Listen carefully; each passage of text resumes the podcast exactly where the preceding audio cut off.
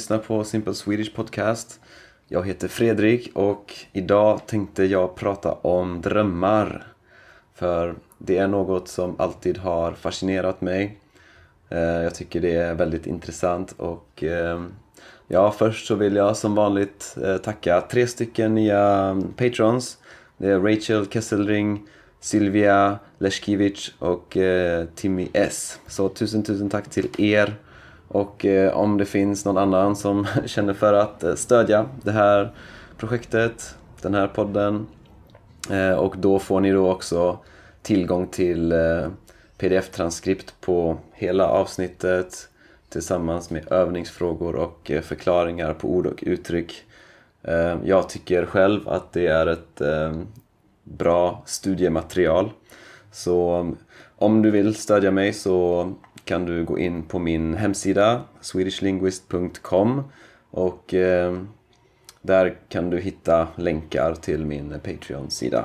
Du kan hitta massa andra saker också som artiklar och eh, andra länkar till min Youtube-kanal och så vidare. Så swedishlinguist.com, kolla in den. Och eh, ja, idag ska jag prata om drömmar och eh, det finns ju många olika sorters drömmar. Det finns bra, härliga drömmar och det finns eh, mardrömmar. Eh, det finns också några teman som eh, är väldigt vanliga bland alla människor, alla kulturer. Eh, till exempel att man faller eller att eh, man blir jagad och eh, om man blir jagad i en dröm då brukar det också vara svårt att eh, röra sig, alltså att eh, ta sig fram. Så om man eh, försöker springa så kanske det känns som fötterna liksom sitter fast i marken eller att man går i liksom någon trög lera eller liknande. Um, och det är också väldigt vanligt att drömma att eh, man är naken Ehm, och sen, ja men eh, generellt så är det nog väldigt personligt vad man drömmer. Och eh, ja, jag, jag tycker det är väldigt intressant eftersom eh, drömmarna kommer ifrån det undermedvetna. Så, eh, och därför är det också väldigt intressant att eh, försöka tänka på vad de betyder. För jag tror inte att eh, det finns någon slags generell betydelse för olika saker i en dröm. Jag tror att ehm, betydelsen av en dröm, det är eh, personligt. Så till exempel om du, om du drömmer att eh, du är naken så kanske det betyder att Eh, du är rädd att andra människor ska se ditt verkliga jag. Du kanske döljer något eller du kanske känner att du döljer något. Fast, ja, eller om du kanske drömmer att din partner lämnar dig så kanske du faktiskt är rädd att, eller du kanske är rädd för det. Så om du drömmer något som är obehagligt eh, eller som skrämmer dig då eh, kanske det representerar en verklig rädsla. Så det kan vara väldigt intressant att eh, fundera över vad eh, drömmarna betyder.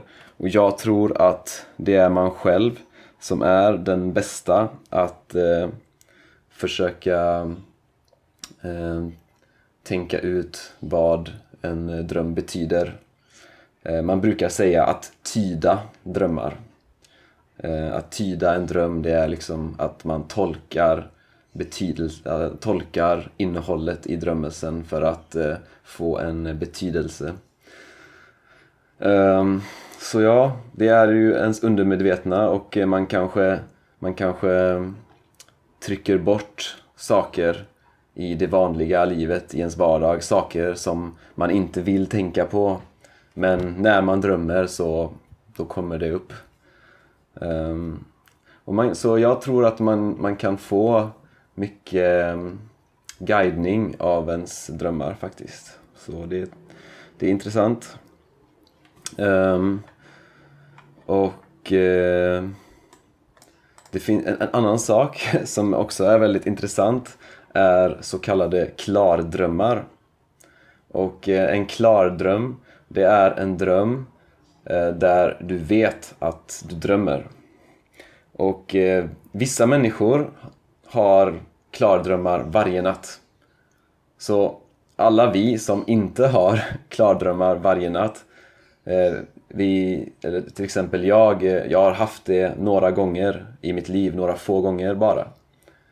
Eh, och vi tycker att ja, det, skulle vara, det är lite galet liksom att bara shit kan man Eh, veta att man drömmer men vissa människor har det varje natt.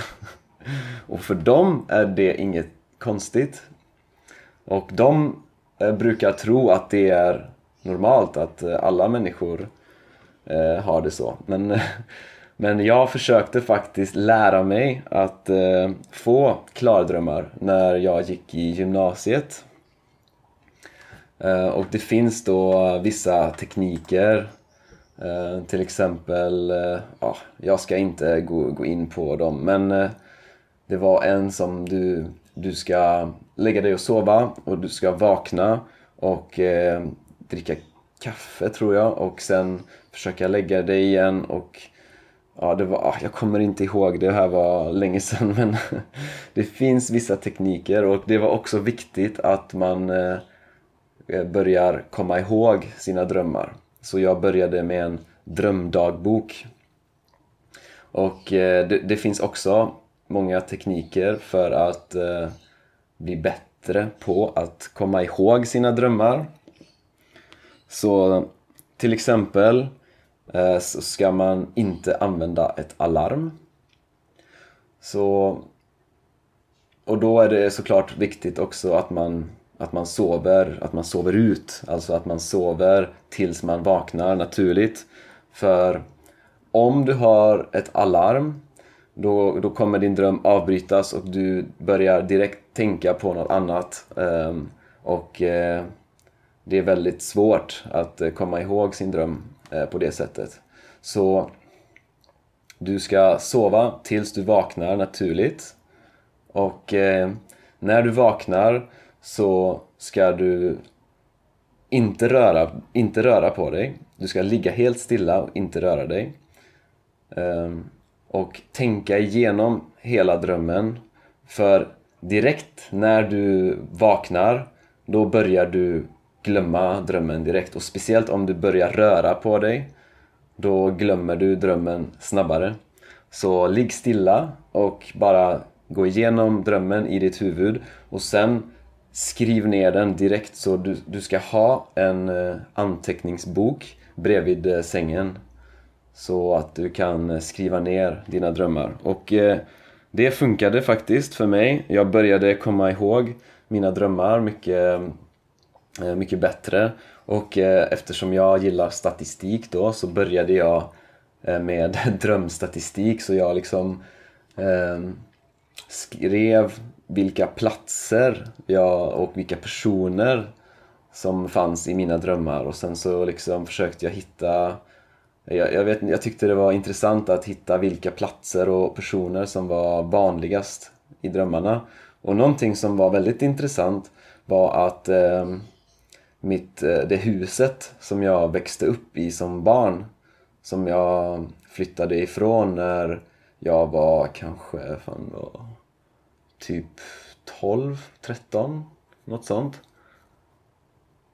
Och, och det var en av de vanligaste platserna trots att det var det här var många, många år, eller ja, många, många, det kanske var en 6-7 år senare Och det var en av de vanligaste platserna, för man kan ju tänka sig att en av de vanligaste platserna borde vara en, sitt hem som man har nu till exempel. Men eh, tydligen så är det faktiskt vanligt att eh, så gamla platser som, som har varit en del av ens liv tidigare, att de kommer mycket i drömmarna. Så eh, ja, det är väldigt intressant med, med drömmar och eh, jag kan prata länge om det. Ehm, men ja, jag hoppas att eh, ni har tyckt uh, det var intressant, det här avsnittet. Och eh, glöm som sagt inte att du kan få hela transkriptet eh, om du blir Patreon. Eh, om du går till min hemsida, swedishlinguist.com, så, så kan du hitta där halva transkriptet och eh, ja, du kan också lyssna på podden på min hemsida, på Spotify, och på iTunes och i Podbean-appen. Och eh, ja, om ni gillar den här podden får ni också jättegärna likea den och följa den och dela den och kolla in mina andra kanaler som till exempel min Youtube-kanal. Ha det så gött så hörs vi!